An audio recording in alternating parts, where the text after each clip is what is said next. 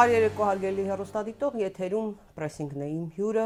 Բարձրագույն դատական խորհրդի նախագահ Ռուբեն Վարդազարյանն է, ում լիազորությունները կասեցվել են 2021 թվականի ապրիլից։ Բարի երեկո, պարոն Վարդազարյան, շնորհակալ եմ հրավերս ընդունելու համար։ Նախ հիշեցնենք հերոստադիտողին, որ փաստորեն կասեցման այդ գործընթացը նախորդեց, դրան նախորդեց ձեր կնոջը եւ ձեզ քնչական ծառայություն հրավերով, չէ՞։ Ձեր կնոջը վկայի կարգավիճակով։ Խնդրում եմ ներկայացրեք ինչ փուլում է այդ գործընթացը, ինչ էին ձեզանից ուզում ձեր կնոջից։ Բարի երեկո, շնորհակալ եմ հրավերի համար։ Դա երկու տարբեր քրեական գործեր են։ Ինձ եւ տիկնոջս հրավիրել էին հատում քչական ծառայության ծառայություն, քանի որ կոռուպցիայի կանխարգելման հանձնաժողովը գտել էր, որ որոշակի անճշտություններ կան եւ անհամապատասխանություններ կան մեր հայտարարագրերում, այդ գործը դեռ քննության փուլում է, իսկ իմ լիազորությունները կասեցվել են, քանի որ դատախազությունը գտնում է եւ մեղադրանք է առաջադրել գտնում է, որ ես խոչընդոտելու նպատակով միջամտել եմ դատարանի գործնեությանը։ Այժմ այդ գործը գտնվում է դատարանում, մեկ նիստ է տեղի ունեցել, որի վերաբերյալ հարցում ենք ուղարկել Երևան քաղաքի դատարանի նախագահին, խնդրել ենք, որպեսզի մեզ տրամադրի փաստական տվյալներ եւ ապացույցներ, որ գործը մակագրվել է դատավոր Շահվերդյանին օրենքով սահմանված կարգով։ Դրա վերաբերյալ տեղեկություններ ստանալուց հետո ես եւ իմ իրավաբանական թիմը կորոշենք արդյոք դատավորին ինքնաբացարկի միջնորդություն հայտնելու ենք թե ոչ բայց նախնական իմ կարծիքով դատավորին ինքնաբացարկի միջնորդություն հայտնվելու է իմ գործի վերաբերյալ Եթե կարող եք թույլատրելի սահմանում այժմ մանրամասներ բացեք։ Ինձ մեղսագրվում է, որ ես դատավոր Անդրանիկ Սիմոնյանի հետ խոսելիս հերախոսային զրույցի ընթացքում համոզելու եւ հորդորելու միջոցով խոչընդոտելու նպատակով միջամտել եմ դատական իշխանության գործնեությանը դրա վերաբերյալ կան մի քանի ապացույց, որոնք որ դատակնության փուլում, ապացույցների հետազոտման փուլում ես ինքս կհրապարակեմ, այժմ չեմ ուզում որևէ ապացույց հրապարակել, որpիսի տպավորություն չստեղծվի, որ այս իմ գործով փորձում եմ նաև միջամտել այդ դատական process-ին օրը եւ ժամը կգա, ես ինքս կհրապարակեմ եւ կմեկնաբանեմ այդ ապացույցները։ Եթե ձեզ հետ մանրամասներ կարող եք ներկայացնել, ինչով միջամտել, փաստորեն ձեզ գախտնալսել են։ Ինչ են գախտնալսել, ինձ ըստ Անդրանիկ Սիմոնյանի, դատավոր Անդրանիկ Սիմոնյանի, ինքը ինձ զայնագրել է բայց քանի որ ես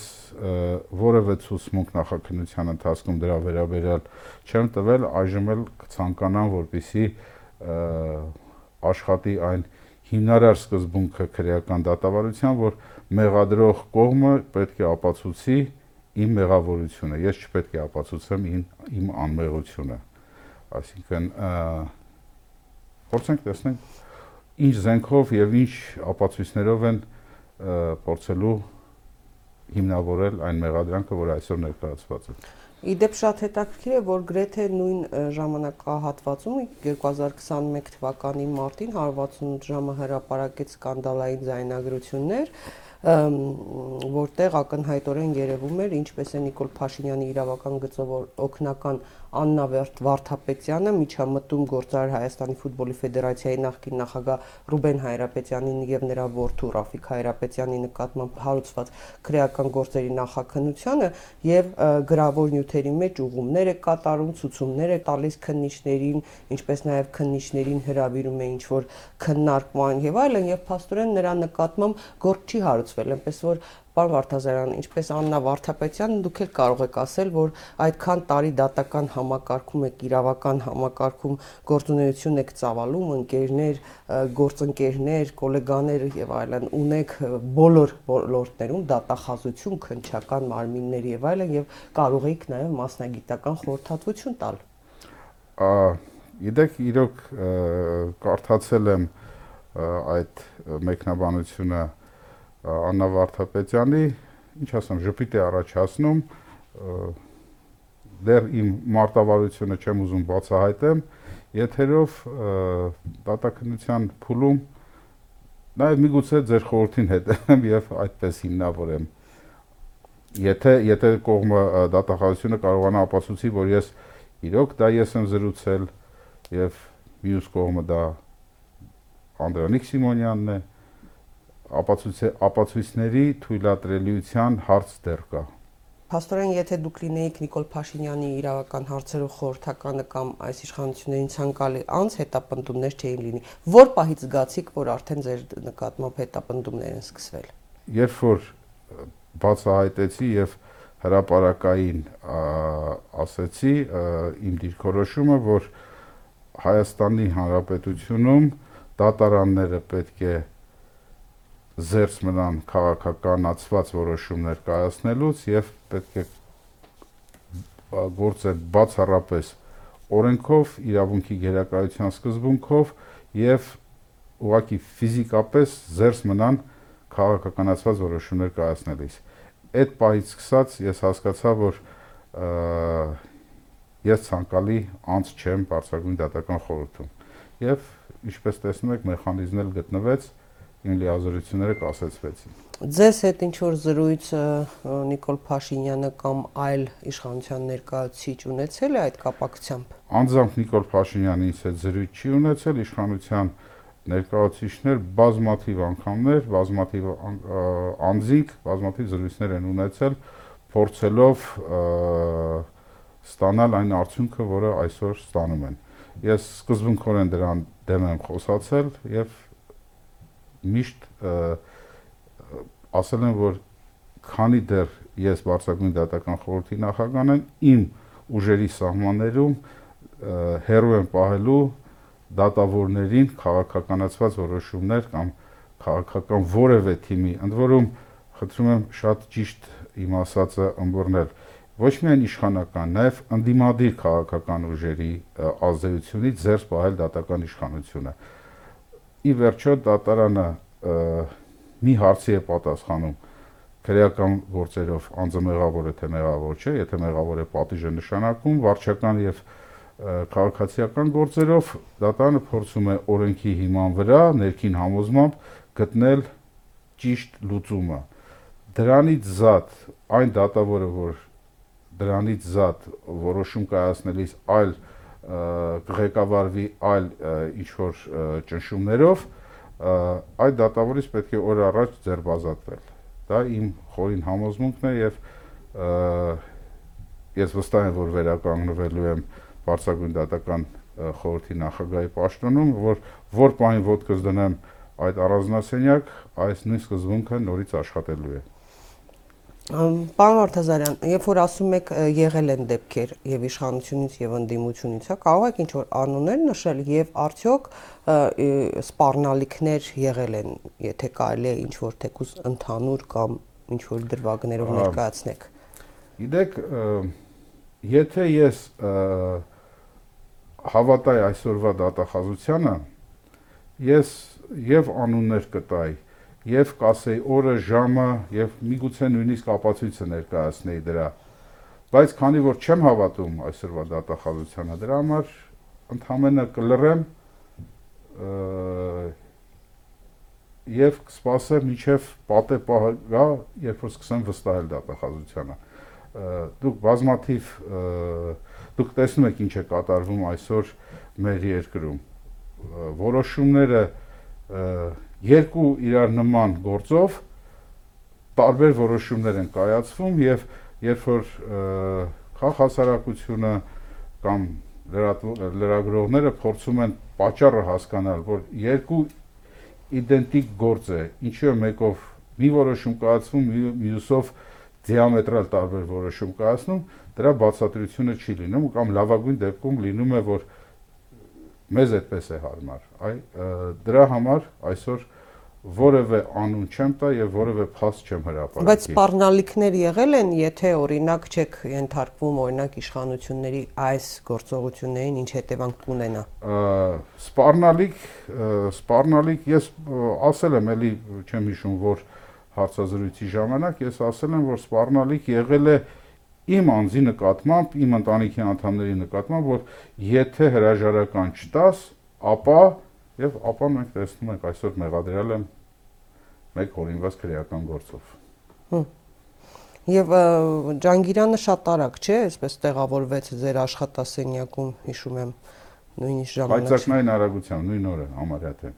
Իսկ Ջանգիրյանը մինչ այդ իր ցանկությունների մասին ձեզ հետ խոսել էր։ Անհրաժեշտություն չկար, որ Ջանգիրյանը անձամբ այդ կարծիքը հայտներ, քանի որ դա ակնհայտ էր, երբ որ վերջինս ապօրինի կերպով, այսինքն օրենքին հակասող եղանակով ընտրվեց Վարշավին դատական խորհրդի անդամ ազգային ժողովի կողմից։ Շատ եւ գիտեք ես երբ որ Ջանգիրյանի տեխնացությունն էր Բարսագույն դատական խորհրդի անդամ ընտրվելուց ես իմ կարծիքը հրաապարակային հայտնել եմ, որ չի կարող 65 տարեկան անձը ընտրվի Բարսագույն դատական խորհրդի անդամ։ Դա իմ իրավական դիրքորոշումն է եղել եւ ես բարձրաձայնել եմ, որից հետո ազգային ժողովը անտեսեց եւ եւ իմ կարծիքը եւ շատ իրավաբանների կարծիքը եւ օրենքը եւ ընտրեց։ Այդ պահից սկսած արդեն parzեր ինչ է տեղի ունենալու։ Պարոն Վարդազարյան, վստահ եք, որ կարող է օրինակ Գագիկ Ջանգիրյանը հրաժարվի, հա, այդ պաշտոնից այդքան ցկտել է ու մի օր դուք վերադառնաք այնտեղ, չգիտեմ, հույս ունեք արդարությունը կհաղթի, իրավիճակ կփոխվի։ Ինչի վրա է հույսը։ Ջանգիրյանը այսպես, ինչպես դուք ասեցիք, կայծակնային արագությամբ մտավ կաբինետը ձեր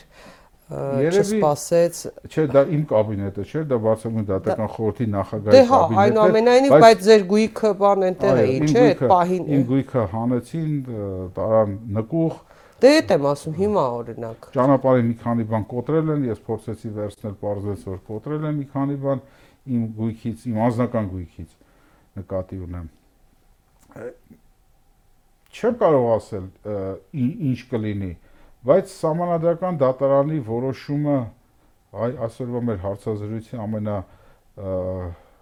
հարց, որին որ պատասխանը չունեմ, նույնիսկ ներքու հարցեր կան, որոնք որ պատասխան ունեմ, ձեզ չպատասխանեցի։ Ինչ-ինչ պատճառներից ելնելով, հա, նույն ասելով, որ կարգավիճակս թույլ չի տալիս բայց այ եթե համանadrական դատարանը հանգարց ճանաչի, որ Ջանգիրյանի ընտրությունները բարձրագույն դատական խորհրդի անդամ ապուրինի են եղել, նույնիսկ էլ նախագահ չէ, Վարշավի դատական խորհրդի անդամ։ Քաոս է ստեղծվելու եւ վախենամ համակարգը կոտրվի ուղակի։ Կամ ՍԴ-ն նման որոշում չպետք է կայացնի, խուսափելով այդ քաոսային իրավիճակից, կամ կամ Ջանգիրյանը պետք է հասկանալով, որ կարող է նման իրավիճակ ստեղծվել հրաժարական տալ առանց հրաժարականի այդ որոշումը անցանկալի։ Ես չեմ ուզենա Հայաստանում տենց բան լինի։ Ես անկեղծ ասած հույս չունեմ, որ համանadrական դատարանը ինքնուրույն որոշում կկայացնի նման, որտեվ մենք ականատես ենք լինում ինչպես է քաղաքական հրահանգների չեցվում համանadrական դատարանի եւ նման որոշում լինի։ Եթե Ջանգիրյանը Փաշինյանի հետ հարաբերությունները հարթեց ինչ որ մի բանի եկան, որտեղ ինչ որ տարաձայնություններ կան որոշ հարցերում, ապա բամբասանքի մակարդակով ես եմ ասել։ Մամուլում կան, ապա եթե հիմա տեսնենք Ջանգիրյան Փաշինյան վեճը ինչով կավարտվի, ըստ այդմ էլ սպասենք սահմանադրական դե դատանի որոշմանը ցավոք, ցավոք, ինչ արած այդպես է։ Դեք ինձ որպես Ռուբեն Վարդազարյանը ինձ համար շատ ականջիս համար հաճելի կլինի եւ շատ կուզենամ, որ սահմանադրական դատարանն ասի, որ հակասահմանադրական հակասահմանադրականը, քանի որ միջև ընտրությունը ես դա ասել եմ, իմ եսը կբավարարվի, բայց որպես Հայաստանի Հանրապետության քաղաքացի, որը պատկերացնում է ինչ հետևան կարող է բերի, չեմ ուզում։ Եսս բավարարելու համար ասում եմ այո, այդ որոշումը օրինաչափ եւ ճիշտ կլինի, որպես Հայաստանի Հանրապետության քաղաքացի, որը մտահոգ է նաեւ այդ կոլապս չստեղծելու համար, այնքան կոլապսներ կան այսօր, եւ մի հատ էլ կոլապս բարձրագույն դատական խոհ դուք պատկերացեք 1 տարի է, 1 տարվա որոշումները վերանայվեն։ Դատավորը նշանակվել, դատավորը թոշակի գնացել, ինչ կլինի։ պատկերացնում եք ինչ կլինի։ Մեկ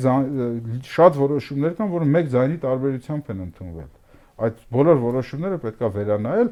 բայց այդ դատ, ասենք դատավորը նշանակվել։ Գնացել է դատարանը, դատավորը Դատավորն էլ այնտեղ է իր գործունեության ընթացքում, այո, որոշումներ լոռու մարզում դատավորը Ստացվում է աշխատում։ նրանք էլ պետք է Ստացվում է, որ այդ այդ նշանակումը ապօրինի է եղել, ստացվում է, որ նրա կայացած դատական ակտերը ապօրինի են, ապօրինի են եղել։ Ես կոլապսի չափերը փորձեցի ներկայացնել։ Դրա համար որպես մտահոգ մարդ, որը չի ուզում, որ նման բան տեղի ունենա, ավելի լավ է համանդական դատան նման որոշում չկայացնի, ը, քանի որ կարող է այս համակարգը այդ ծանր։ տակ ուղակի կոտրվել։ Պարոն Վարդազարյան, մի ճշտում կատարենք, անցնենք հաջորդ թեմաների։ Հայաստան խմբակցության падգամավոր Արամ Վարդևանյանը մի հայտարարություն էր արել, տեղեկացնելով, որ 21 թվականի հոկտեմբերի 25-ին ստեղծվել էր ազգային ժողովի քննիչ հանձնաժողով, որի գործունեությունը վերաբերում է ինչ օրը շարունակվող դատական համակարգի հայտարարք խնդիրներին, դա իր ձևակերպումն է եւ ասում է, որ այս ժամանակահատվածում քննիչ հանձնաժողովի քննարկմանը հրավիրվել էին բարձրագույն դատական խորհրդի նախագահի ժամանակավոր պաշտոնակատար Գագիկ Ջանգիրանին եւ Կարեն Անդրեսյանին արդարադատության նախարար երկուսն էլ մերժել են, հա, իրենց մասնակցությունը եւ հաշվի առնելով այդ ամենը նրանք հրավիրել են նաեւ ձեզ Հիմա ձեր արձագանքը ինչպիսին է Արամ Վարդևանյանը գրել էր դրական արձագանքի դեպքում պատրաստակամություն են հայտնում օր ժամ որոշելու հարցում։ ընդունում եմ պարոն Վարդևանյանի հրավերը հաճույքով կգնամ մեկ մեկ բայց կա նույնիսկ պայման կամ նախապայման չի կարելի դա անվանել հաշվի առնելով որ դեռ իմ կարգավիճակը բարձրագույն դատական խորհրդի նախագահ է եւ սակայն լիազորությունները սկսեցված են ին վրա տարածվում են դատավորի վարկագծի կանոնները ինձանից ակնկալել քաղաքական քաղաքական հարցերի պատասխաններ ինձանից անիմաստ է ակնկալել քաղաքական հայտարարություններ չեմ անելու քաղաքական պատասխաններ չեմ տալու ինչ վերաբերվում է մասնագիտական հարցերին եւ մասնագիտական պատասխաններին մեծ հաճույքով ը, կգնամ կպատասխանեմ բոլոր մասնագիտական հարցերին կասեմ իմ կարծիքը եւ ինձ թվում է որոշ չափով օգտակար կլինեմ նաեւ այդ խնդիրները, որոնք որ այսօր կան դատական իշխանության արչև, դրանք դրանց լուծելուն։ Եթե մի քանի բառով նկարագրելու լինենք, հիմա ինչ իրավիճակ է տիրում դատական համակարգում, հա, ինչ է տեղի ունենում, ինչպես կնկարագրեք։ Խորհրդային միությունից հետո, երբ որ դատարանների վրա դատարանների մուտքի դիմաց ես ուսանող էի պրակտիկա անցնելուց տեսել եմ դա եւ այն ժամանակ ուշադրություն չեմ դարձրել։ Գրվում էր Խորհրդային ՀԽՍՀ արդարադատության նախարարության ասենք Սպանդարյանի կամ Մյասնիկյանի դատարան, այսինքն դատարանը եղել է գործադիր իշխանության մաս։ Այդ պահից սկսած 90-ականներից, հա, 30 տարի է մենք ը, կամած կամած շատ դանդաղ եւ փոքր քայլերով, տեղ-տեղ նաեւ մեծ քայլերով եւ լոնքերով առաջ ենք շարժվել։ Միշտ բարեփոխվել է, դատական բարեփոխումները դա մի process չի, որը որ պետք է սկսել ամսի 1-ին վերջացնել ամսի 30-ին։ Դա process է, որը որ մշտական է, դա ամբողջ աշխարհով է, տենց Հայաստանը որևէ բանով չի տարբերվում ամբողջ աշխարհից։ Եվ մենք հասել ենք ը, ինչ-որ մի մակարդակի, երբ որ կարելի էր արդեն խոսել, որ մենք ունենք ազատ անկախ դատարան բազմաթիվ խնդիրներով, բազմաթիվ խնդիրներով, բայց ունենք ազատ անկախ դատարան։ Համենայն դեպս օրենսդրական բազան հիմքերը շատ լավն էին։ Պետք էր ուղակի քրտնաջան աշխատանքով հասնել, որպեսզի ը, ունենանք դա։ Դրանցից կարևորագույն այդ որ ասում եմ փուլը եղել որ լոնքով քայլ են կարել, հա, մեկ մեծ քայլ են կարել, դա ավտոմատացված համակարգներ, գործերի մակագրման պատահականության սկզբունքով ավտոմատ համակարգներ, որը որ մեկ գրչի հարվածով, մեկ քննիչի գրչի հարվածով մենք 30 տարի հետ ենք ընկել։ հիմա որpիսի դա վերականգնենք, մեզ շատ-շատ-շատ ժամանակ եւ ռեսուրս է պետք եւ ֆինանսական ռեսուրս եւ մարդկային ռեսուրս եւ նյարդային ռեսուրս է պետք, որpիսի կարողանանք վերականգնել այն ինչ որ ունենք։ Այսինքն մենք այսօր հետ ենք ընկել մոտ 30 տարի Պարոն Վարդևանյանը խայտարակ էր բնութագրել, հա, այսօրվա վիճակը, ես զերծ կմնամ այդ բառը չեմ օգտագործի, բայց կասեմ, որ մենք շատ լուրջ հետքայլ ենք արել։ Եվ մեզ իրականում շատ ջանք պետք է գործադրենք, որպեսզի կարողանանք վերականգնենք միջև այն պահը, երբ այդ մակագրման համակարգը արգրավեց։ Հիմա քանի որ խոսեցինք այդ մակագրման համակարգից, հա, որոշների կարծիքով դա նույնիսկ այս իշխանության չարաբաստիկ նորարարություններից է համարվում ձերկով դատական գործերի մակագրությունը։ Փաստորեն հերոսադիտողին էլ տեղեկացնենք, որ ազգային անվտանգության ծառայությունը արդեն տևական ժամանակ է այդ մուտքագրող համակարգ, այո, մուտքագրող համակարգիչն արգրավել է ինչ որ պատճառաբանությամբ եւ հիմա գործերը ըստ էության յուրայիններին իշխանությունները իրենց ցանկալի դատավորներին ձերկով են մակագրում։ Սրա հետևանքների մասին եմ ուզում խոսենք եւ նաեւ պատճառները ինչու է այսքան երկար ժամանակ ձգձգվում, ինչն է այդքան բարդ, հա, հասկանալու համար։ Տեսեք, հարցը ինչու՞մն է կայանում։ Ես մոտ 8 տարի աշխատել եմ Երևան քաղաքի կենտրոն եւ Նոր Մարաշ վարչական շրջանների ընդհանուր իրավասության դատարանի նախագահ եւ 2 տարի Երևան քաղաքի դատարանի նախագահ եւ և քաչ պատկերացնում եմ ինչի մասին է խոսքը այսինքն ինձանից լավ գրեթե երևի մի քանի հոգի կան որոնք որ պատկերացնում են այդ ինչպես է աշխատում այդ համակարգը ոնց կարելի է այդ համակարգի հետ աշխատել որ դա արդյունավետ լինի մենք սկսեցինք երբ որ այդ համակարգը ներդրվեց սկսեցինք շատ փոքր գործերից հա միայն քաղաքացիական գործեր հետո դրան միացան վարչական գործեր հետո դրան միացան քրեական գործեր Հետո դրան այսինքն մենք ժամանակի ընթացքում ընդլայնել ենք այդ ծրագիրը։ Հետո սկսեցին մակագրվել քննիչների դատախազների որոշումների դեմ բերվող բողոքները։ Հետո սկսեցին ավտոմատ եւ պատականության սկզբունքով մակագրվել կալանավարերից ստացվող բողոքներ։ Այսինքն մենք այդ համակարգը ներդնելուց հետո դա կատարելագործել ենք եւ լայնացրել ենք։ Հիմա մեկ գրչի հարվածով այդ համակարգը չի գործում, այսինքն բոլոր գործերը, բոլոր դիմումները, բողոքները դատարանի նախագահ մակագրում է ձեռքով։ Տեսեք օրենքը այսպիսի եզրույթ է օգտագործում, ասում է կարելի է ձեռքով մակագրել միայն այն դեպքում, երբ կա անհաղթահարելի ուժ, երբ որ այդ համակարգը չի աշխատում անհաղթահարելի ուժի հետևանքով։ 9-րդ դասարանի աշակերտը, դպրոցի աշակերտը, որը անցնում է հասարակագիտություն, երբ որ իրավունքի հիմունքներին է անցնում, իրավաբանություն իրավաբանության հիմքերին է անդրադառնում, նրանք բոլորը անցնում են նաև ինչ է նշանակում ֆորս մաժոր, այդ անհաղթահարելի ուժ։ Մեր հերոստատիտողներին ասեմ, որ դա ջրհեղեղն է, պատերազմն է, ցունամին է, երկրաշարժն է, հրաբուխն է եւ այլն եւ այլն։ Ինչ է տեղի ունեցել, որ անհնարին է քննիչի քննիչի որոշումը միանշանակ պատասխան կա ոչ դա անհաղթարելի ուժ չէ հետո որպեսի ավելի པարզ լինի ինչ է նշանակում այդ սերվերը արգրավել սերվերը բաղկացած է երկու մասից երկու մոդուլից հա մի մոդուլը դա մի փոքր ծրագիր է որը որ random այսինքն պատահականության սկզբունքով գործերն է մակագրում եւ մի մեծ հատված, որը արխիվային մասն է որպեսի կարող որպեսի ճիշտ պատկերացնեք Գործը մուտք է արվում գրասենյակի աշխատակցի կողմից ամեն օր ժամը 8-ին երեկոյան այդ փոքր մոդուլը աշխատում է, գործը մակագրվում է եւ այդ տվյալները հայտնվում են արխիվային մասում։ Եվ այն հարցերին, որին որ քննիչը պատասխան է ուզում ստանալ, այդ հարցերը գտնվում են արխիվային մասում։ Այսինքն կարելի է արգրավել ոչ թե սերվերն ամբողջությամբ, այլ արխիվային մոդուլը, եւ կստանային այն հարցերի պատասխանները, որը իրանց հետաքրքրում է։ Ծրագիրը չէր խափանվի, կաշխատեր։ Ծրագիրը չէր խափանվի, բայց քանի որ նպատակը արդարացնում է միջոցները, քանի որ պետք էր որ այդ փոքր մոդուլը չաշխատի, որը որ ավտոմատ մակագրում է կատարում, դրա համար անոր սերվերն է արգրավել։ Դրա ես ձեզ ասեցի ինչ է տեղի ունեցել, հա, ինչպես կարելի էր անել։ Բազմաթիվ անգամ իրավապահ մարմինները կասկածել են, որ այդ համակարգի միջամտություն է եղել եւ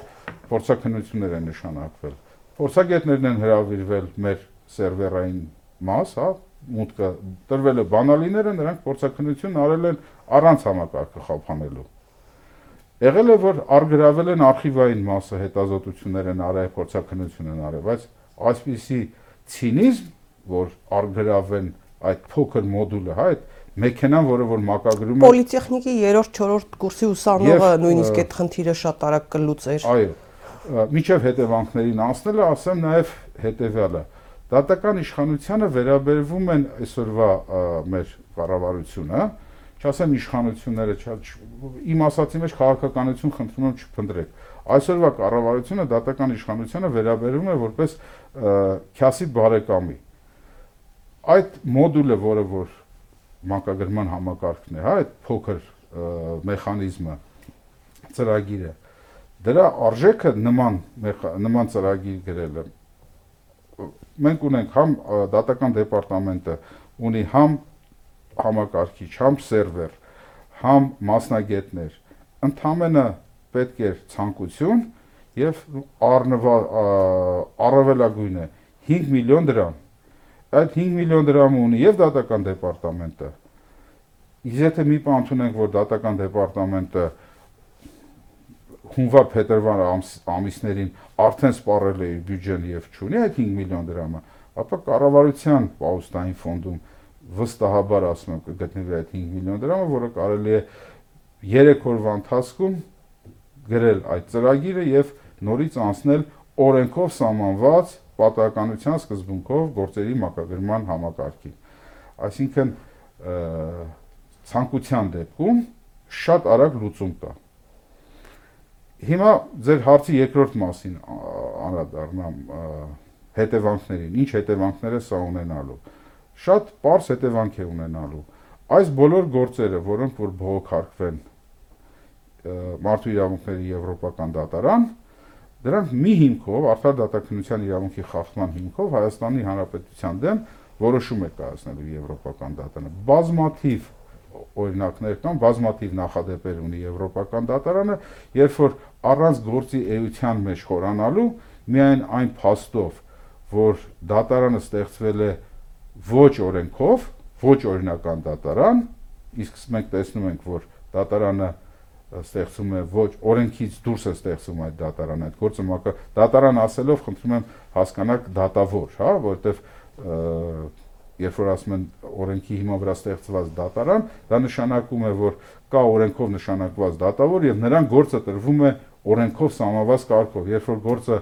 դատավորին տրվում է ոչ օրենքով սահմանված կարգով Եվրոպական դատարանն ասում է դա օրենքի հիման վրա ստեղծված դատարան չէ եւ հետեւաբար առանց գործի մեջ խորանալու, առանց էությունը հասկանալու, դա կլինի քաղաքացիական գործ, վարչական գործ, թե քրեական գործ, թե այլ գործ, որը որ ձերքով է մակագրվել, դա կլինի բողոք, դիմում եւ այլն եւ այլն։ Դրանք բոլորը օրենքի ուժով, երբ որ եվրոպական դատարանը որոշում կայացնի Հայաստանի Հանրապետության դեմ, դրանք արդեն մեր վճռաբեկ դատարանը որպես նոր ոչ թե որպես նոր հանգամանք այդ հիմքով բեկանելու է եւ մենք բացի նրանից որ այս գործերը եւս մեկ անգամ են քնվելու 0-ից արդեն օրենքով ստեղծված դատարանի հիման վրա այլ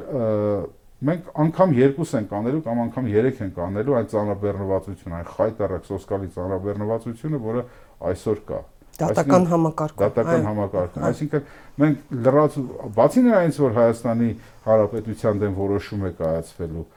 Նաև այդ գործերի քանակն է սոսկալի աճելու եւ նորից կոլապս է լինելու։ Իսկ այդ կոլապսը ծառաբեռնվածության պատճառով դա մեր մշտական խնդիրն է եղել արդեն մոտ 10 տարի է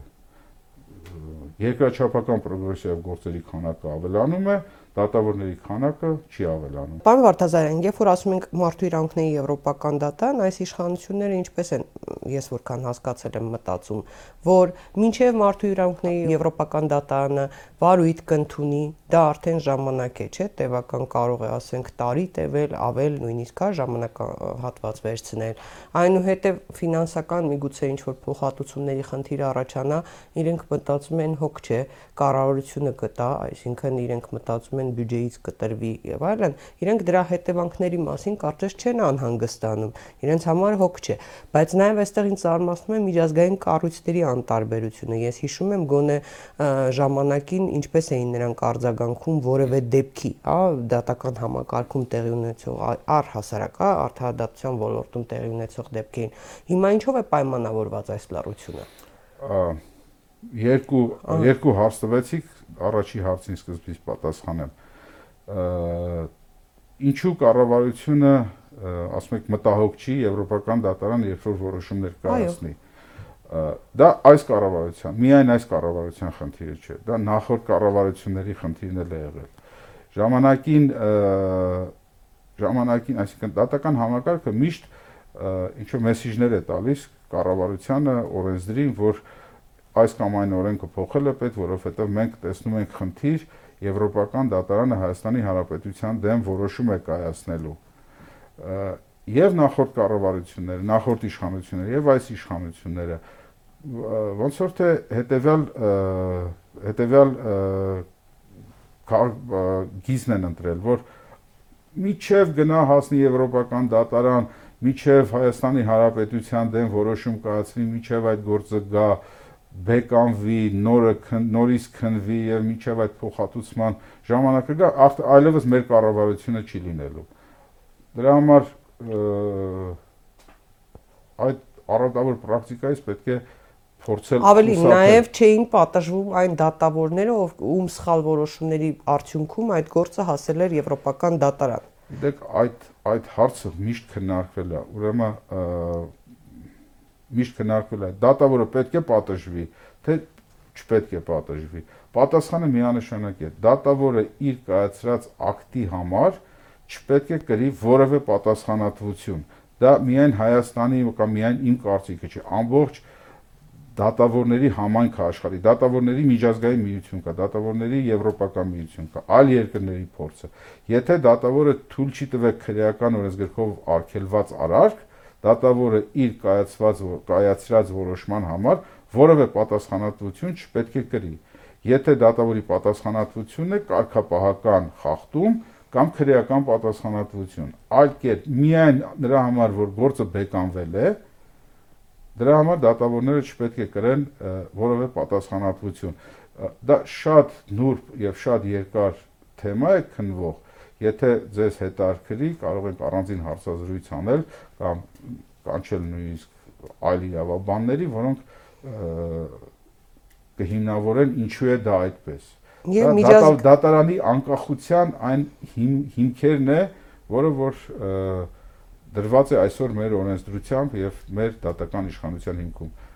դատավորը իր կայացրած իր իրավական տեսակետի համար պետք է պատասխանատվություն չկրի։ Միջազգային փորձից ելնելով։ Եվ միջազգային փորձից ելնելով։ Չկա հարցի երկրորդ մասին, հա։ Չկա երկրագնդի վրա այդպիսի երկիր, եթե եվրոպական դատ, որտեղ եթե եվրոպական դատարան բեկանում է, ապա դատավորը կրում է պատասխանատվություն։ Ֆինանսական, կարգապահական, քրեական։ Միայն միայն այդ փաստը հերիք չէ։ Դրանից հետո պետք է լինի կամ կարգապահական հիմք կարգապահական պատասխանատվության ենթարկելու կամ քրեական պատասխանատվության ենթարկելու։ Եթե չկա պատասխանատվություն չկա։ Հարցի երկրորդ մասին, հա, միջազգային կառույցների համապատասխան կառույցների արձագանքը ինչու է չկա զրո արձագանք։ Շատ ճիշտ նշեցիք, ես հարցազրույցի սկզբում ասացի, որ երկար տարիներ աշխատել եմ դատարանի նախագահ եւ ակնհայտ տեսել եմ միջազգային կառույցների, տարբեր երկրների դեսպանատ դեսպանների աշխատանքը, տեսել եմ միջազգային իրավապահ կառույցների աշխատանքը, տեղական իրավապահ կազմակերպությունների աշխատանքը, տեսել եմ քաղաքասարակության որոշ քաղաքասարակության ներկայացուցիչների աշխատանքը։ Հերիք էր դատարանը ստանդարտից մի փոքր այլ որոշում կայացներ, նույն վարքյանից սկսում էր աղմուկը, աղակը, սկսում էր քննադատությունը, սկսվում էր դա Հայաստանի դեմ որոշումներ էր կայացվում կամ միջազգային կառույցների կամ դեսպանատների կամ առանձին օտար երկրյա պետությունների զեկույցներում Հայաստանը հայտնվում էր ոչ լավ իրավիճակում կամ կարգավիճակում։ Այժմ ես նոր ներկայացրեցի, որ արտարոց բան է տեղի ունեցել, որ մի քննիչ արգրավել է ամբողջ դատական իշխանության սերվերը եւ դատական իշխանության աշխատանքը խափանվել է։ Արձագանքը 0։ Ինչու է այդպես։ Տիկին Սերյանյան, իրակ իրականում չունեմ ես դրա պատասխանը։ Իրականում ինձ շատ հետաքրքրում է ուր կորան այն կազմակերպությունները, որոնք որ տարիներ շարունակ խոշորացույցով կամ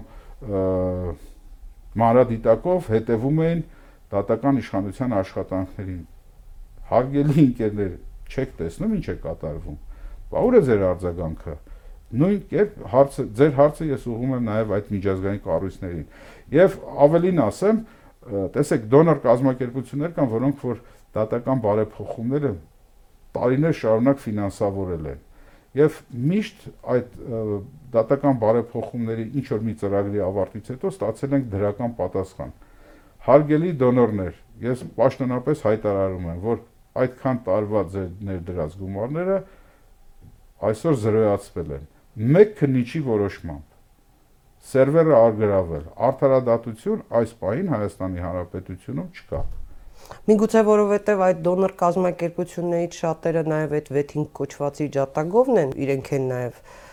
ջանասիրաբար փորձում դա իրագործել այս իշխանությունների հետ։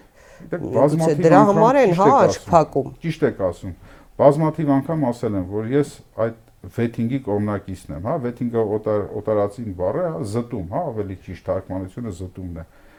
Եկեք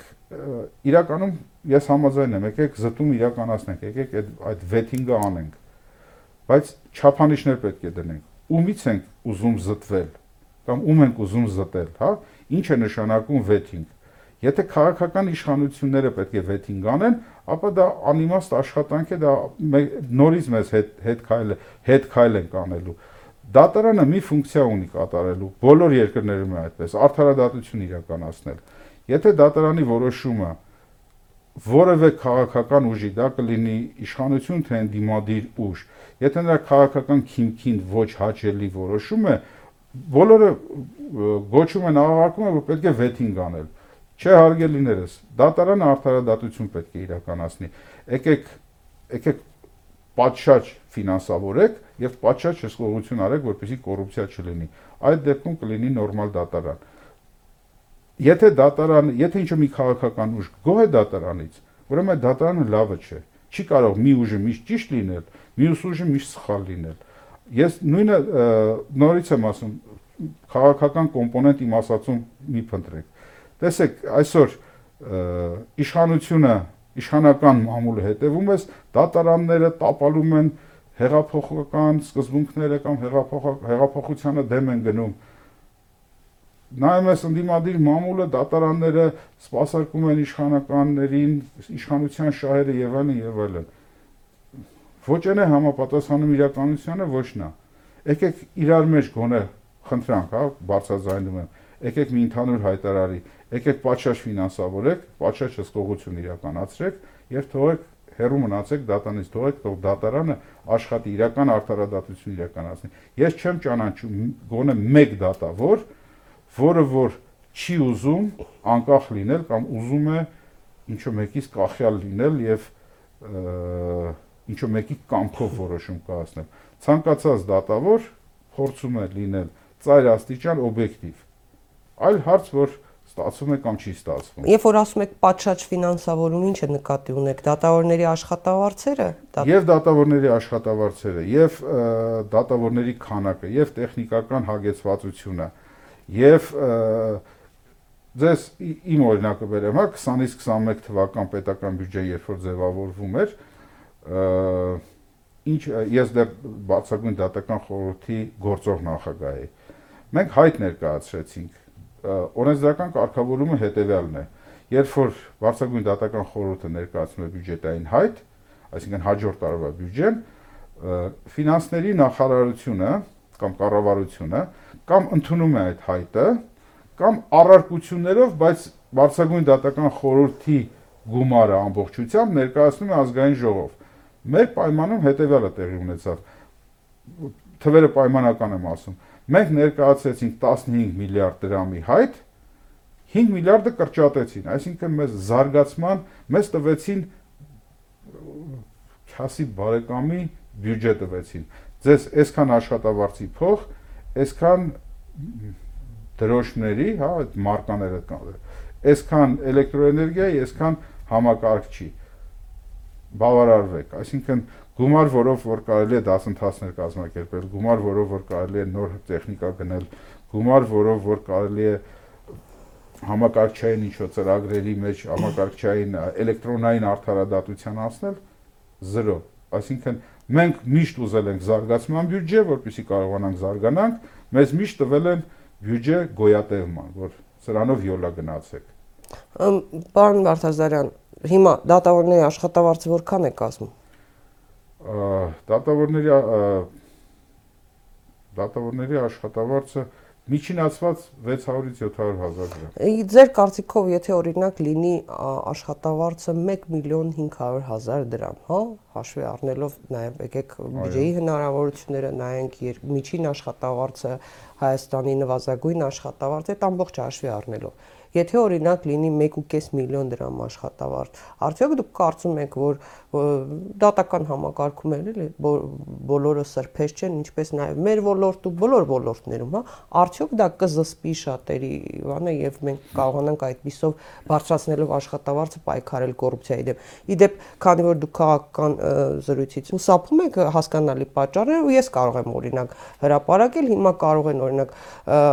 Հայաստանի քաղաքացիներ տեսնում են 18 թվականի իշխանապողությունից հետո այսօրվա իշխանությունները ինչ ունեցվածքի տեր են,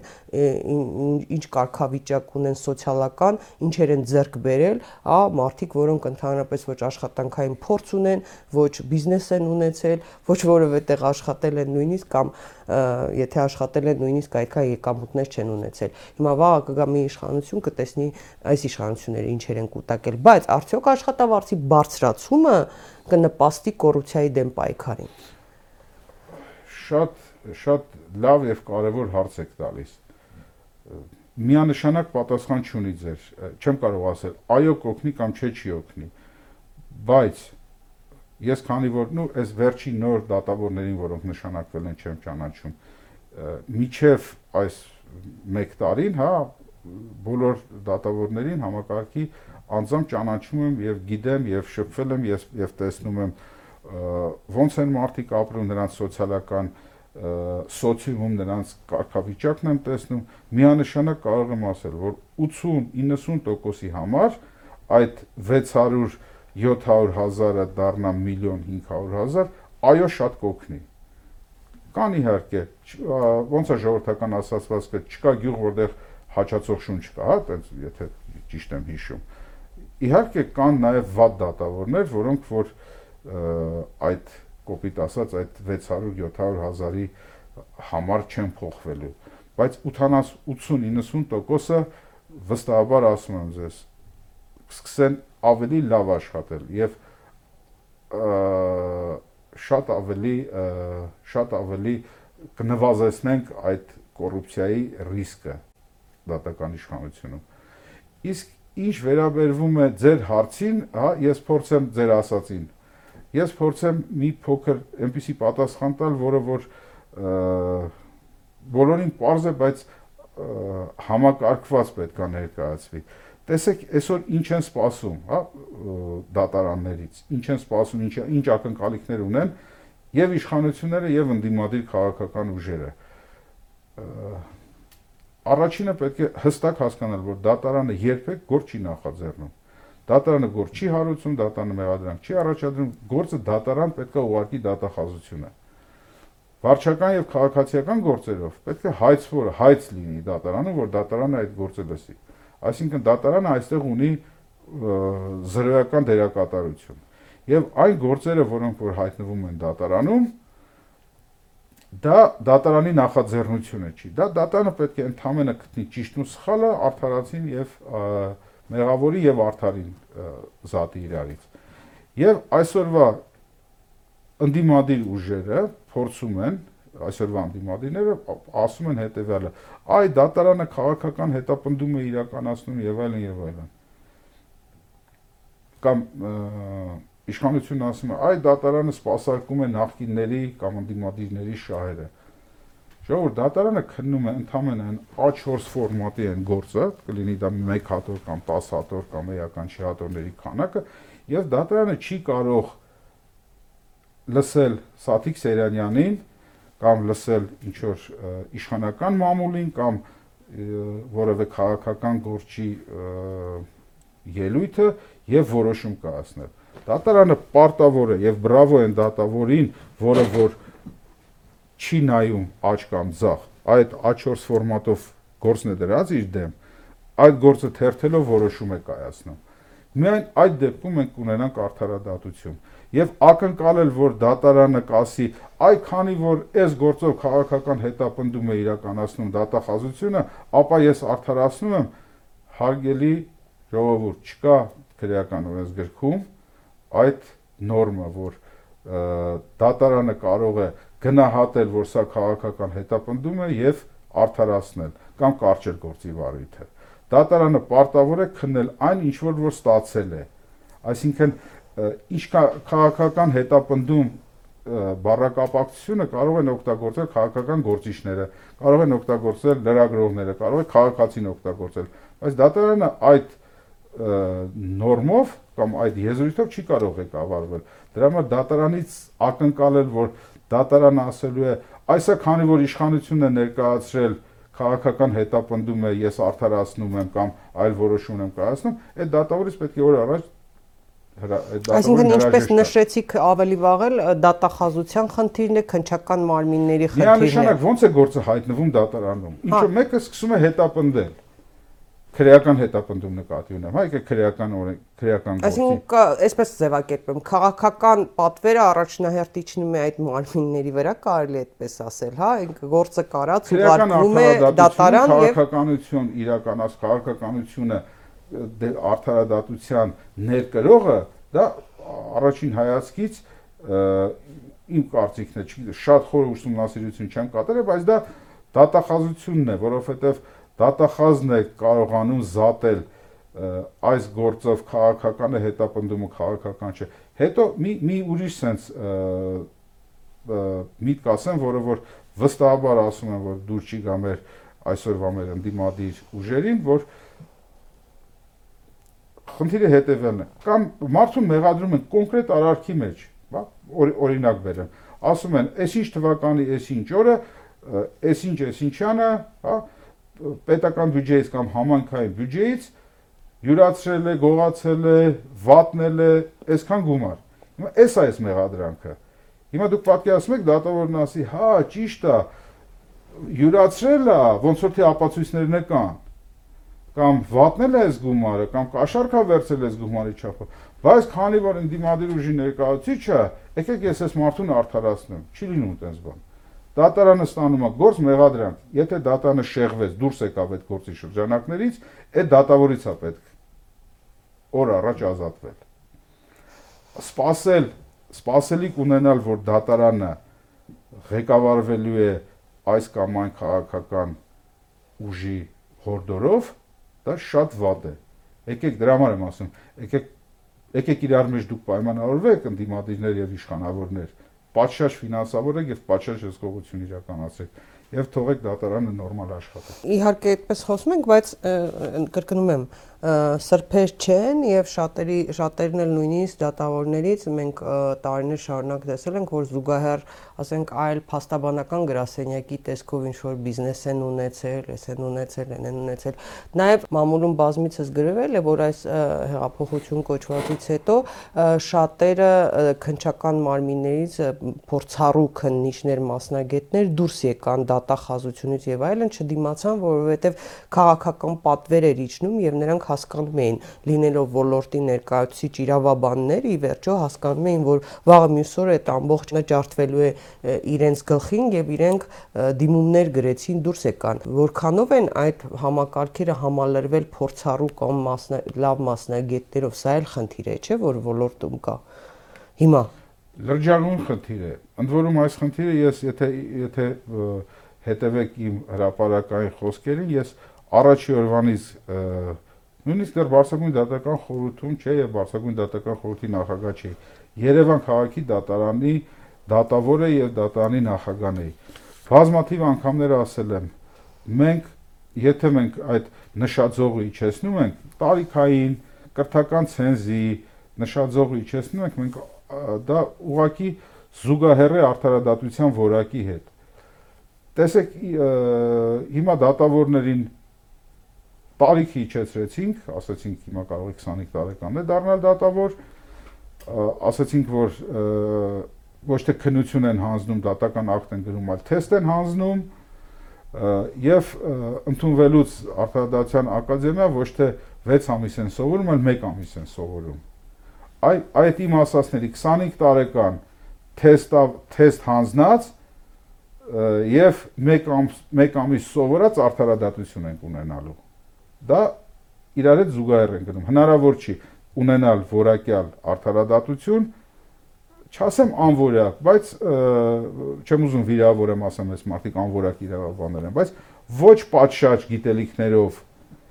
իրավաբանների կողմից կայացված դատական ակտերը նրանք միշտ դուժելու են, այդ դատական ակտը միշտ որակական առումով դուժելու է։ Իդեպ 20 թվականին դուք նախաքննական մարմիններին եւ դատախազության ուղղված հայտարարություն էի կարել, բավական ծուր էր ընկալվել։ Մեջբերեմ ձեր խոսքը, մենք ունենք ոչ այնքան գրագետ քնչական մարմիններ, մենք ունենք ոչ պատշաճ դատախազական հսկողություն եւ որ վերջիններիս քննած գործը ուղղակի շպրտում են դատարան։ Եվ ասել էիք, որ մենք չունենք անգրագետ դատավորներ 20 թվականին էիք դա հայտարարել։ Այո, ես նույն կարծիքին եմ եւ գիտեք այդ առիթ չի եղել այդ հայտարարությունից հետո առիթ չի եղել որ ես որևէ կերպ մեկնաբանեմ հիմա եմ պատրաստ մեկնաբանել գիտեք այն դատախազության ծանոթ դատախազներից ու ծանոթ քննիչներից այն զանգերը արձագանքները որը ստացել եմ հրաապարակային իհարկե չեն ասում բայց բազմաթիվ զանգ եւ արձագանք եմ ստացել քննիչներից այդ օրերին քննիչներից եւ դատախազներից որոնք որ ասել են շատ է ճիշտ ես ասում, հələ քիչ ես ասում, մի քիչ էլ ավել պետք է ասեիր։ Ես նույն կարծիքին եմ, այսօրվա գործերը, որ տեսնեք դատարաններում ինչ է կատարվում, իրականում քրեական գործը վատ քննած քրեական գործը բերում են գցում են դատարան, շփրտում են դատարան եւ ասում են դատավոր տակից դուրս արի։ Ոնց ուզում ես արա մեղադրական դատական ակտ պետք է կայացնես։ Էտա ցավոք սրտի իրականությունը։ Եվ դա էս մենակ էս իշխանությունների խնդիրի չի, նույնից եմ ասում, դա միշտ է տենց եղել։ Միշտ է տենց եղել, որովհետև որովհետև քաղաքականությունը հա արդարադատության քրեական արդարադատության ոլորտում պատասխանատուն, քաղաքական պատասխանատուն միշտ դատախազությունն է։ Եվ որpիսի դատախազությունը իր վրայից գցի այդ բեռը, նա վատ քննած, կիսատ պրատ քննած գործ ուղարկում է դատարան։ Եվ սկսում է այդ պայքարը, դատարան եւ դատախազություն պայքարը։ Ընդ որում վերադառնամ իմ նախորդ, հա, ամենա մեր զրույցի սկզբին, խորհրդային միության ժամանակ ես պրակտիկա եմ անցել դատարանում, դատախազությունում եւ ոստիկանությունում։ Ուրեմն ամենագլխավոր մարդը արդարադատության ոլորտում դա դատախազն էր։ Դատախազը դատարանում գործի տերն էր Դատավորը ընդամենը դակում էր դատախազի ասածը։ Այսօր պատկերը հակառակն է։ Դատախազությունը ընդամենը դատավարության մի կողմ է։ Եվ շատ դատավորներ դա ցույց են տալիս եւ ապացուցում են ամենօրյա իրենց աշխատանքով եւ այդ դատավորների շնորհիվ է որ մենք կարողանալու ենք այս փոսից դուրս գալ։ Իդեպ նաև այդ դա է խնդրահարույց, որ երբ որ ասում են վեթինգ, զտում, այսպես ասած, բոլորը պատկերացնում են, որ վեթինգը հենց դատավորների համար է եւ ոչ թե օրինակ դատախազների, դատախազության աշխատակիցների, քնչական մարմինների, ղեկավարների, քննիչների եւ այլն։ Բոլորը ուղիղ, չգիտես ինչու, պատկերացնում են միայն դատավորներին։ Գիտեք, այդ վեթինգ գոռացող գոչացողները սկզբից պետք է վեթինգ իրենց մտքում անեն, իրենք իրենց վեթինգի ենթարկեն։ Հետո նոր գան վեթինգ ուզեն անել իրավապահ համակարգում։ Վեթինգ չի նշանակում իմ քաղաքական հայացքներ չունեցող անձին, դատավորին, դատախազին, քննիչին, падգամավորին, նախարարին կամ էական չի աշխատանքից հեռացնենք, որովհետև իմ քաղաքական հայացքները չունի։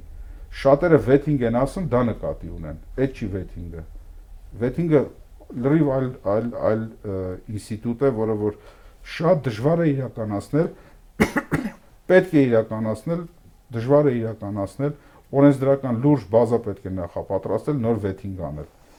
ուղակի գորալ, գոչալ, ճճալ, որ եկեք վեթինգ անեք, դա նշանակում է կադրային ջարդ անել։ Դրանք այդ այդ նկատի ունեն։ Ով առարկություն ներկայացնում է, օրինակ ասում է, այս փորձը, որ կիրառվել է այս երկրներում, այս այս այս ձևով դժվար է Հայաստանում կիրառել SSS պատճառներով, ասում են, ահա դուք կոռումպացված եք եւ չեք ուզում, որ Հայաստանում կոռուպցիան վերանա։ Նորից եմ ասում, կոռուպցիան վերացնելու համար պետք է պատշաճ ֆինանսավորում եւ պատշաճ հսկողություն։ Կոռուպցիայի դեմ պայքարելու երկու ձև կա կամ երկու եղանակ կա իրար հետ զուգահեռ աշխատավարձը բարձր տուր եւ պետքա հետևես որ վախ պետքա լինի կոռուպցիայով զբաղվելու համար այլ մեխանիզմ չկա ինչ վերաբերում է վեթինգին այդ միջազգային կառույցները որոնք որ պատրաստ են ֆինանսավորել այդ վեթինգը բազմաթիվ անգամներ հանդիպել են վարչագույն դատական խորհրդի անդամների հետ տարբեր քննարկումներ է տեղի ունեցել Եվ ես միշտ խնդրել եմ, ասել եմ, մեզ խնդրում եմ մի ցույց տվեք Գերմանիայի կամ Հոլանդիայի կամ Ալբանիայի կամ մեզ խնդրում եմ ցույց տվեք Ալբանիայի փորձը, մեզ ցույց տվեք Ուկրաինայի փորձը։ Մենք նրանց սխալների վրա պետք է սովորենք։ Այսօր գիտեք ինչ է կատարվում Ուկրաինայում։ Վեթինգ են արել, ուրեմն մարզեր կան կամ չգիտեմ ոնց է կոչվում իրանց վարչատարածքային բաժանումը, համենայն դեպս կան շրջաններ, մարզեր, որտեղ դատավոր չկա, ուղակի չկա։ Հներին հանել են, նորերը չեն ուզում աշխատեն։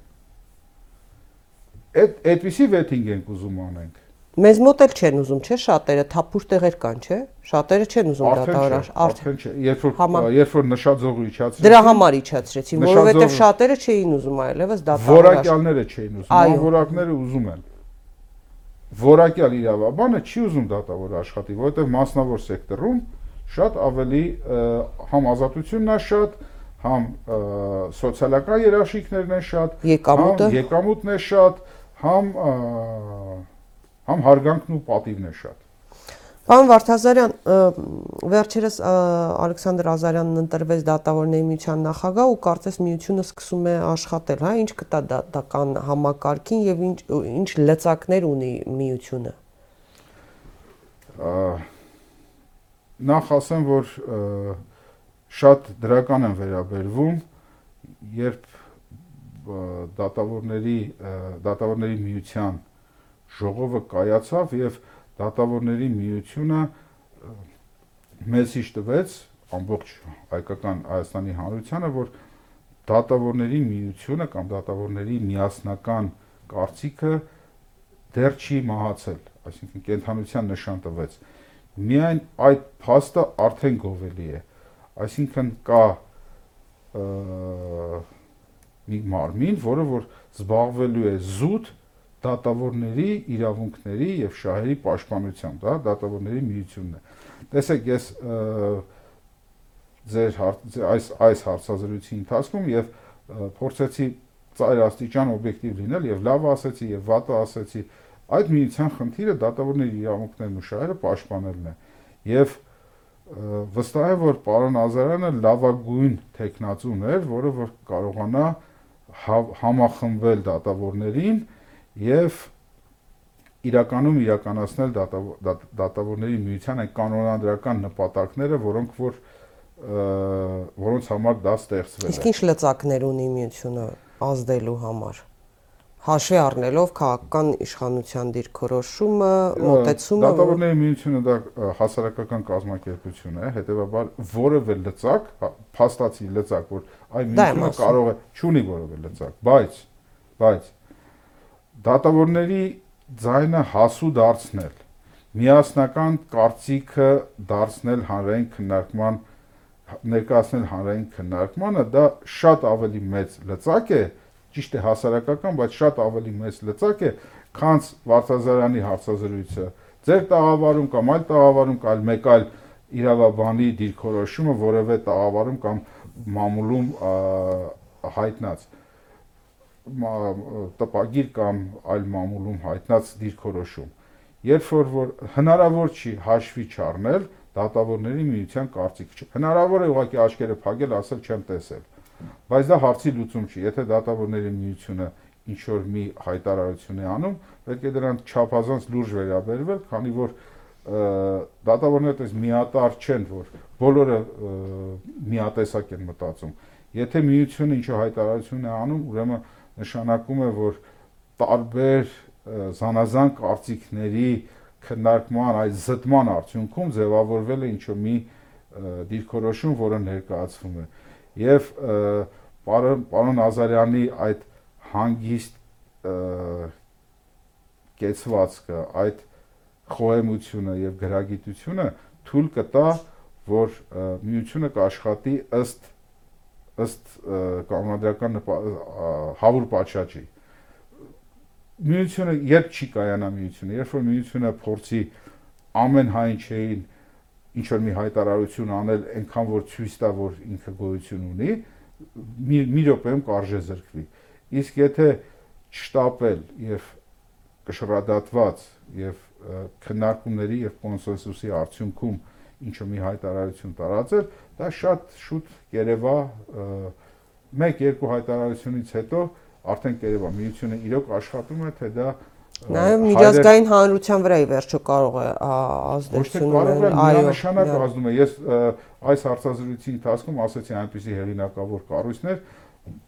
դատավորների միջազգային միություն, դատավորների եվրոպական միություն, Հայաստանը երկու միությունների Մենք էլ մեր ժուրնալիստների միությունը համագործակցում է եւ նրանց հայտարարություն։ Այլ բան է, որ իշխանությունները արհամարում են բանի տեղ չեն դնում։ Պարոն Վարդազարյան, մենք ականատես եղանք մի շարք դատավորների մտահոգություն հայտնող նամակներն ու գրություններին, որոնք ըստ էության տարբեր խախտումների մասին են ահազանգում։ Արդյոք նման դեպք նախկինում եղել է դատավորների անկախության այսչափ միջամտվել է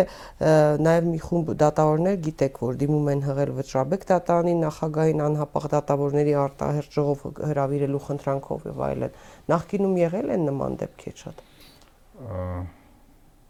նախկինում ժողով հրավիրելու 1-2 փորձ հիշում եմ, բավարար ձայներ չեն հավաքել այդ փորձերը, այդ իսկ պատճառով ժողովը տեղի չի ունեցել, բայց ոնց որ թե հիմա արդեն կա բավարարձայն ժողով հրավիրելու համար։ Ինձ համար դեռ པարշի հասկանալի չի օրակարգի ինչ օրակարգով է այդ ժողովը լինելու։ Եթե դիմել են, ուրեմն ունեն ասելիք շատ շատ լավ է թող այդպես է կայանում համակարգը ինքնակառավարման միջոցով այդ համակարգ դատավորների ընդհանուր ժողովը դա դատավորների բարձրագույն մարմինն է Վարդազարյանը չի կարևոր, Ջանգիրյանը չի կարևոր, դատավորների ընդհանուր ժողովը դա բարձրագույն մարմինն է։ Եթե դատավորները ունեն ասելիք, ինչ է եղել, թող հավաքվեն եւ իրենց ասելիքն ասեն։ Ընդդիմությունը սահմանադրական դատանում վիճարկում է Գագիկ Ջանգիրյանի Բարսագույն դատական խորհրդի նախագահի ժամանակավոր պաշտոնակատար նշանակվելու հարցի սահմանադրականությունը։ Խնդիրը ընտրվելու հարցն է։ Իրավունքներ ազգային ժողովը ընտրեր 65 տարեկան անց 65 տարեկան անց մարդուն։ Հիմա եթե օրինակ սահմանադրական դատանը արձանագրում է հակասահմանադրականությունը դրա այդ հարցի, արդյոք բարձրագույն դատական խորհրդի կողմից կայացված որոշումներում Ջանգիրյանի ձայները ճանաչվելու են ապօրինի։ Ըստ տրամաբանության, ըստ օրենքի տրամաբանության վիճելի են դառնում այն բոլոր որոշումները, որտեղ կա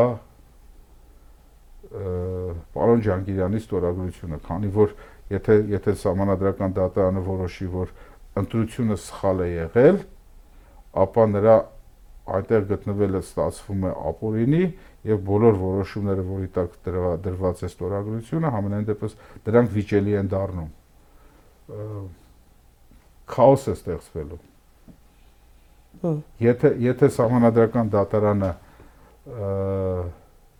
որոշի բավարարել այդ պահանջը եւ հակասահմանադրական ճանաչի այդ ընտրությունը, ապա բարձրագույն դատական խորհրդում քաոս է ստեղծվելու եւ ոչ երնեք այն մարդուն, ով որ զբաղվելու է այդ քաոսի լուծմամբ։ Չեմ պատկերացնում։ Այնքան X-եր կան այդ հարցի շուրջ, որ նորից եմ ասում, խուսափում եմ պատասխանել այդ հարցից, որովհետև չունեմ պատասխաններ։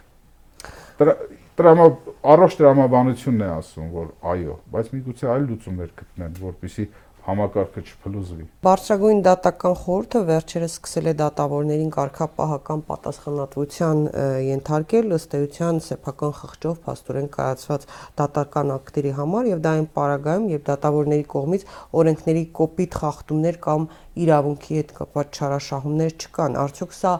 ակնհայտ հետապնդում չէ դատավորների նկատմամբ տեսեք ձեր հարցի մեջ կար պնդում, որի հետ ես համաձայն չեմ։ Եթե ինձ կոնկրետ կոնկրետ այս Բախշյանի Բախշյանին է վերաբերվում։ Հիմա օրինակ այսօր փաստորեն Բախշյանի նկատմամբ ես նորից եմ կներեք ես կալանավորման որոշում կայացվեց, հա, փաստորեն Սյունիքի մարզի ընդհանուր իրավասության դատավորի նկատմամբ։ Հիմա օրինակ թեկուզ այս դեպքով Բորիս Բաշյանը Բաշյանը կատարել է այնպիսի արարք, որը որ ենթադրում է պատասխանատվություն, դա կլինի վարչա կարգապահական պատասխանատվություն, թե քրեական պատասխանատվություն, ես իրավունք չունեմ այդ հարցին անդրադառնալ, քանի որ նորից եմ ասում, ես իմ կարգավիճակը չնայած որ կասեցված է լիազորություններս միևնույն է բարձրագույն դատական խորհրդի նախագահի կարգավիճակը եւ այդ հարցը վաղ թե ուշ կարող է քննվել բարձրագույն դատական խորհրդում եւ ես ցանկացած կարծիք, որ այս պահին կհայտնեմ, դա կլինի կանխակալ մոտեցում հետագայում։ Սակայն ուրիշ հարցի եմ ուզում անդրադառնամ։ Ինչ զարմացնում է այն, որ մարդիկ կարծիք են հայտնում, թե ընդդիմադիր դաշտից, թե իշխանական դաշտից առանց որոշումներին ծանոթանալու կատեգորիկ արգելվում է առանց արգելվում է ես նկատի ունեմ առողջ դրամաբան նկատի ունեք եւ բարձրագույն դատական խորհրդի որոշումը հասանելի չէ հանրությանը չգիտեն ինչ են գրել։ Քանի որ չգիտեն ինչը հասարակությունը չգիտի ինչա գրել դատախազությունը, Դատախազությունը պարզաբանումը տվել է, ասել է, որ Բախշյանը չի ապահովել Ամբաստանյանին լսելու իրավունքը եւ կալանավորել է քաղաքացուն։ Պարզաբանումը ընդհանուր առմամբ դա էր։ Կարծիք կարելի է հայտնել միայն գործի նյութերին ծանոթանալու դեպքում։ Մնացած դեպքերում կարծիք փաստաբանները գործի նյութերին ծանոթացել են, կարծիք են հայտնում, ընդունելի է բայց ոչ ավել այն անձը, որը որ գործի նյութերին չի ծանոթացել, լսելով, մամուլին հետևելով կարծիք է հայտնում, այդ դա իմ համ, ինձ համար որպես բարձրագույն դատական խորհրդի նախագահ կասեցված լիազորություններով դա ինձ համար անհասկանալի է Դե ըստ էության փաստաբաննել է հայտարարում, հա, նույնը, որը գործի նյութերին ծանոթացել է, որ Բախշյանը ցուցաբերել է անկախություն։ Ես չգիտեմ, խախտել է թե չի խախտել, եթե խախտել է, ապա կարգապահական պատասխանատվության հարցը, թե քրեական պատասխանատվության հարցը։ Ես որպես քաղաքացի կարող եմ այս պահին պատասխանել։ Իմ կարծիքով էլ կալանքի թույլտվություն տալ բարձրագույն դատական խորհրդի կողմից եւ այնուհետ կալանավորել չափազանց խիստ չափազանց ուշ կիրառել է նշանակում արդյոք դատավորին այդքան անհրաժեշտ էր կալանավորել։ Չգիտեմ, գործի նյութերին չեմ տեսել։ Միգուցե գործի նյութերում կա, որ ապացուցում է, որ մնալով ազատության մեջ կարող է խոչընդոտել կամ արդեն խոչընդոտել է։ Եթե չկա, ապա չափազանց խիստ ուժ է կիրառված։ Եթե կա, ուրեմն դա կարելի է, բայց նորից եմ ասում, կարծիք կարելի է հայտնել միայն այն դեպքում, երբ որ գործի նյութերին ծանոթացել ես։ Պարոն Վարդազարյան Երևան քաղաքի ընդհանուր իրավասության դատանի դատավոր Դավիթ Գրիգորյանի կողմից 19 թվականի մայիսին կայացված որոշումից հետո, որով երկրորդ նախագահ Ռոբերտ Քոչարյանը կալանքից ազատ էր արձակվել, իսկ նրա վերաբերյալ գործը կասեցվել եւ ուղարկվել էր սահմանադրական դատարան, Facebook-ում եւ մամուլում հրապարակումներ էին եղել այն մասին, որ Դավիթ Գրիգորյանի որոշումը գրել են դատավորներ, հա, այդ դատավորների մեջ մատնանշվել էին Արշակ Վարդանյանի, Մխիթար Պապոյանի, Դավիթ Հարությունյանի Հարությունյանի, Արման Հովանիսյանի անունները, հետագայում ողջվել էր, որ դատավորների հերախոսային խոսակցությունների վերծանումներ են ստացվել, ինչպես նաև նրանց նկատմամբ օրինակ իրականացվել էր հերախոսային խոսակցությունների վերահսկում, օպերատիվ հետախուզական այդ միջոցառումը, այդ թույլտվությունները, ինչպես նաև բնակարանների խուզարկության թույլտվությունները ըստ տարբեր, հա, այսպես ասեմ, մամուլում, նեղ զրույցներում եղած խոսակցությունների տեղեկությունների դուք եք տվել, հա, դուք վստահ եք, որ այդ հիմքերը բավարար էին նման որոշումներ կայացնելու համար։ Ես տվել եմ հերախոսային խոսակցությունների վերահսկման վերաբերյալ թույլտվությունները որոշում եմ կայացրել, քանի որ նման միջնորդություն եմ ստացել խուզարկության որոշումները դա ես չեմ տվել տվել են այլ դատավորներ այսպես ասեմ հիմքերը բավարար էին ձեր կարծիքով տեսեք անձին դատապարտելու համար պետք է հստակ հիմքեր լինեն ապացուցվեն դատարանում այդ հիմքերի ապացուցման դեպքում անձը կարող է դատապարտվել ամենաբարձր շեմն ապացուցման ուզում անձին դատապարտելու համար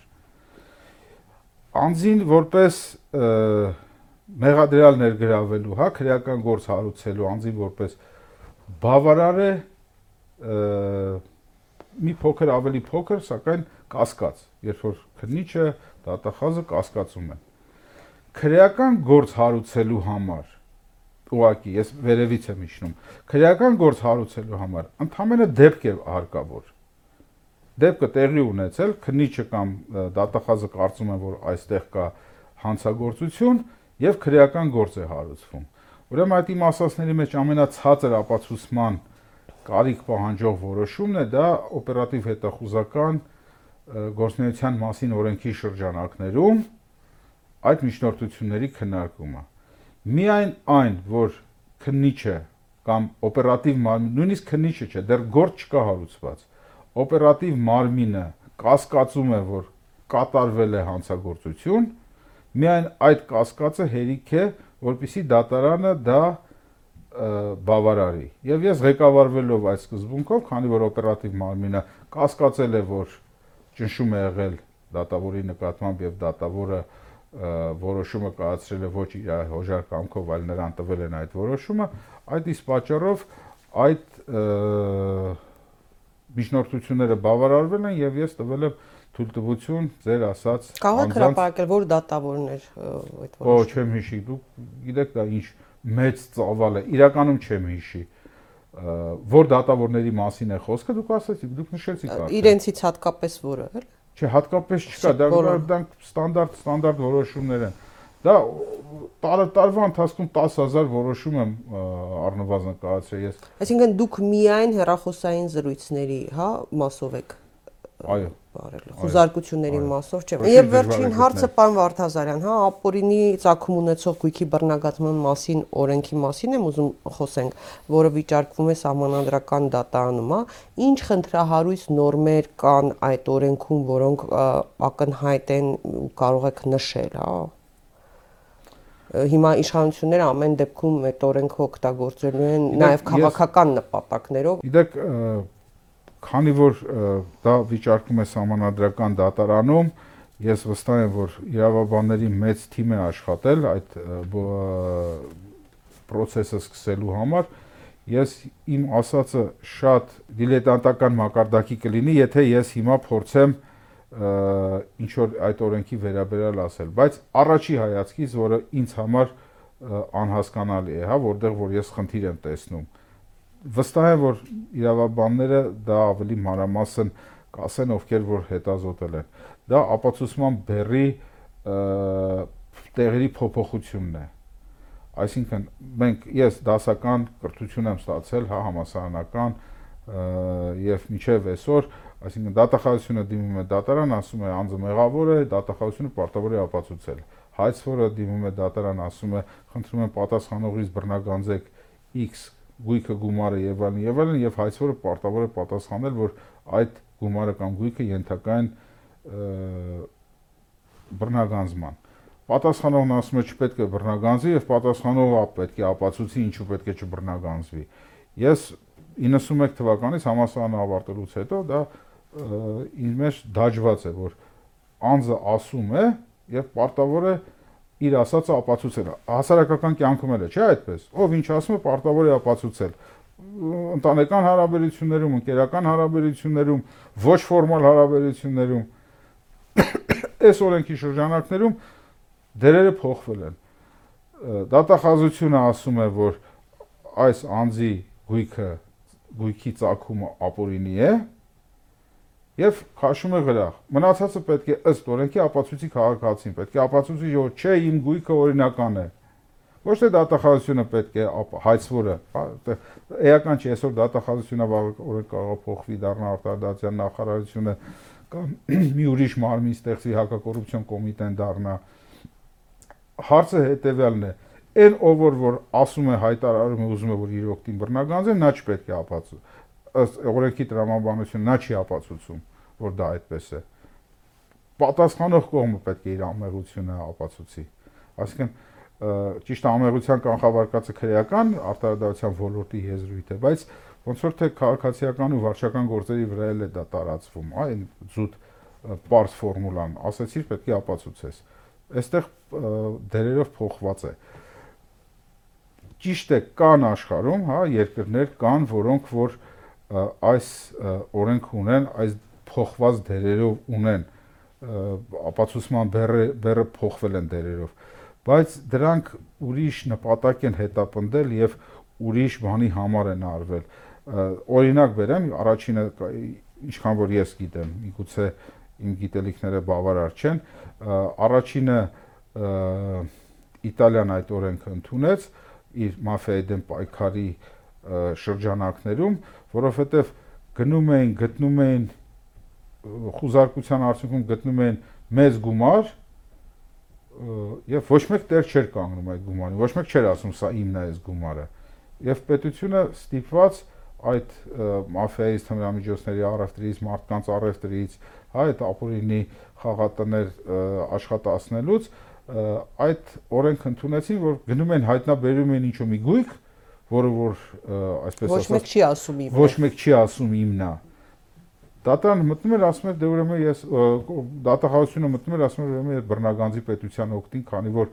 սրա ցակումը ոչ մեկ չի կարողանում այսպես ասած հա սրա ցակումը ոչ ոք չի կարողանում բացատրի որ սա օրինական է այս ցակումը բայց սա այդ հարաբերությունները կարգավորելու համար էս օրենքը ընդունվել ոչ թե Մարտունի մի բնակարան, մի ավտոմեքենա գալիս են ասում են, այ երբ որ որ հայրդ քեզ այդ բնակարանը նվիրել է 10 տարի առաջ հայրը չի կարողանում հիմնավորի իրան այդ գումարը, որտեղից դրա համար այս ցակումը ապօրինի Գիտեք, իմ իմ ասած օրինակը շատ ցայտուն օրինակ էր։ Երբ որ տեսնում ես մի 3 վերջի 3 տարվա ընթացքում կառուցած մի դղյակ եւ ասում ես սա որտեղից դու չինովնիկ ես եղել, դա ուրիշ հարց է։ Միգուցե կարելի է, միգուցե կարելի է այդ հարցադրումը անել։ Ընդհանրապես հարցադրում անելու դաշտում եմ ասում, կարելի է այդ հարցադրումն անել։ Բայց անցնել հասարակ քաղաքացուն, որը որ խորհրդային միության ժամանակ այն ժամանակ ես չգիտեմ հայերեն դրա բառը ցեխավիկ էին ասում, հա, ժամանակին ցեխավիկ ա եղել, ինչ որ մի որոշակի գումար ա վաստակել, թողել է իր զավակին, զավակը բնակարան առել ու գաս ասես, այ հայրը չի կարողանում բացատրի որտեղից իրանես գումարը խորթային միության տարիների ձերբերած գումարը հետեւաբար քո տունը պետք է բռնագանձվի, սա Հռոմի papից ավելի կաթոլիկ լինել է նշանակում պետքա սանդղակ լինի։ Այս սա կարելի անել, սա չի կարելի անել, բայց օրենքը բոլորի համար մի հատ նույնն է եւ այսօր օրենքը մենք տեսնում ենք, որ կիրառվում է եւ նրան եւ նրան։ Պետք է պետք է տարանջատվի մոտեցումները։ Իդեպ հասարակության շրջանում նաև առողջ մտահոգություն կա, որ այդ ապօրինի գույք կոչվածի անվան տակ, եթե բռնագրավեն, շատ շատերը չեն ձեռք բերելու, հա, այդ գույքը կամ դրսի օրինակ նաև թուրքական կապիտալ կարող է գալ եւ ձեռք բերել, հա։ Օրինակ, այստեղ լուրջ վտանգներ կան, վտանգային խնդիրներ կան։ Ես կարող եմ իմ աշխատանքային գործունեության ընթացքից օրինակ բերել, տեսեք, հասարակ սնանկության վարույթով կամ քաղաքացիական գործով, եթե գույք էր բռնագանձվում եւ այդ բռնագանձվող գույքը հրաապարական սակարկություններով պետք է վաճառվեր, իհարկե վաճառվում էր որոշակի, բայց այն գույքը, որ վիճահարույց էր, որը որ պրոբլեմատիկ էր այդ գույքը։ Այդ գույքը շատ երկար տարիներ շատերը բարոյական առումով։ բարոյական առումով չէին մոտենում։ Ես կասկածներ ունեմ, որ նման մի բան այս process-ում է տեղի ունենալու։ Շնորհակալ եմ պարոն Վարդազարյան։ Կրկին հարգելի հեռուստադիտող հիշեցնեմ, որ իմ հյուրն էր Հայաստանի Հանրապետության Բարսագույն դատական խորհրդի նախագահ Ռուբեն Վարդազարյանը, ում լիազորությունները ժամանակավորապես կասեցվել են 2021 թվականի ապրիլից։ Կհանդիպենք հաջողություն ձեզ։